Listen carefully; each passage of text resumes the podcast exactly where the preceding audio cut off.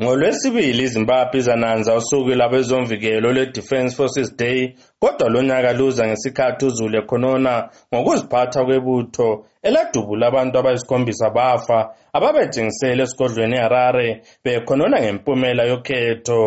Iningi labantu esabelweni sezansi emandebeleni lithi ukubulawa kwabantu kusetshenziswa imbhobho kubachiye bethithibele njalo kubakhumbuza isikhathi sombhuqazo wegugrawundi lapho abantu ababulawa khona kabuhlungu. Unkosazana juliet nkiwani umqondisi wenhlanganiso esebenzelana labomama bemaphandleni e-women's development association of zimbabwe. Uthi inyathelo lebutho lijiye izakhamizi zithithibele. Besingakhangelelanga ukuthi lolu khetho kungaba lomphefumulo ochabalalayo kungaba legazi elichithekayo ngesikhathi sombuso kamugabe sike sakubona lokhu ikakhulu ngapha kwelemandebeleni nxa besesizwa sikubona kuma-tv kuyesabeka kusikhumbuza into emangalisayo esabekayo esake sayibona. Abantu bathithibele ngalokho. Amazwi akhe agcizelelwe ngumnumzana eke moyo isikhulumeli sebandla le-mdct ekhokhelwa ngumnumzana nelson jamisa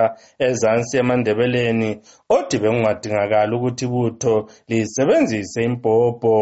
Nxa ngakukhumbuza ukuthi uchiwenga nguye ube ngucommander one brigade umnankagwa nguye ube nguminister of state and security.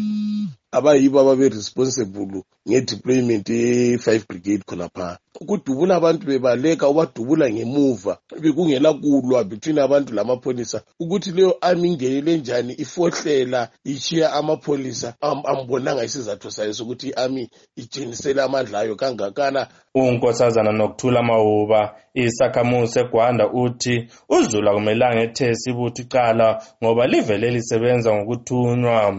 Uthi kumele kudingwe owathi ibutho lingene emgwaqweni lidubula abantu. And i-command is from the commander. So isenzo samasotsha leso sibe sibi kakhulu but kumele sinanzelele ukuthi umuntu omubi kakhulu olecala kakhulu is the one okhomandileyo but ekunje asange sikubone. Uhle kwakhomba ukuthi kule ndaba bekumele ukuthi babe silenced.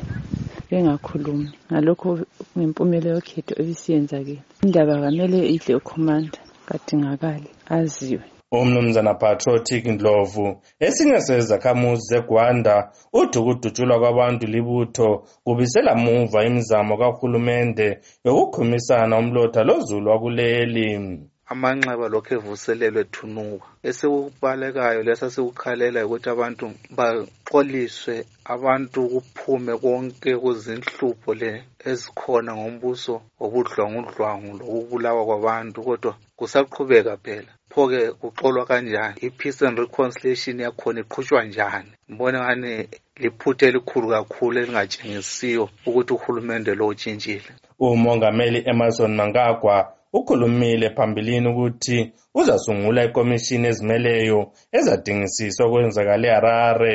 Umnumzana edgar ncube esimbuko egwanda uthi sesemningi imbuzo ezafuna impendulo. Ukuthi ovele nguye owanika amasotsha lelo gunya ngubani? Ngoba esikhangelele ukuthi um nguye ukhomanda wamasotsha. Laye ubuza umbuzo ofanayo ukuthi ngubani? Pho thina sesisibuza ukuthi kati manje ngubani? Nxa amasotsha esengadubula ebulala abantu ngoba thina esikwaziyo njengabahlali belizwe lezimbabwe ukuthi amasotsha ngabantu bokuvikela abantu hhayi abantu bokulimaza abantu. Pho sesiyaphephelaphi nxa labo kumele basivikela kuyiba sebesiqeda ibutho lakuleli lajabulelwa ngabaningi nyakenye ngolwezi ngesikhathi lisusa umnumzana robert mugabe esihlalweni kodwa kwamanje uzulu likhomba ngeminwe elethesa umlando wokubulala abantu kungela sizatho ngimele istudio 7 ngisemajawundeni egwanda ngingu-albert ncube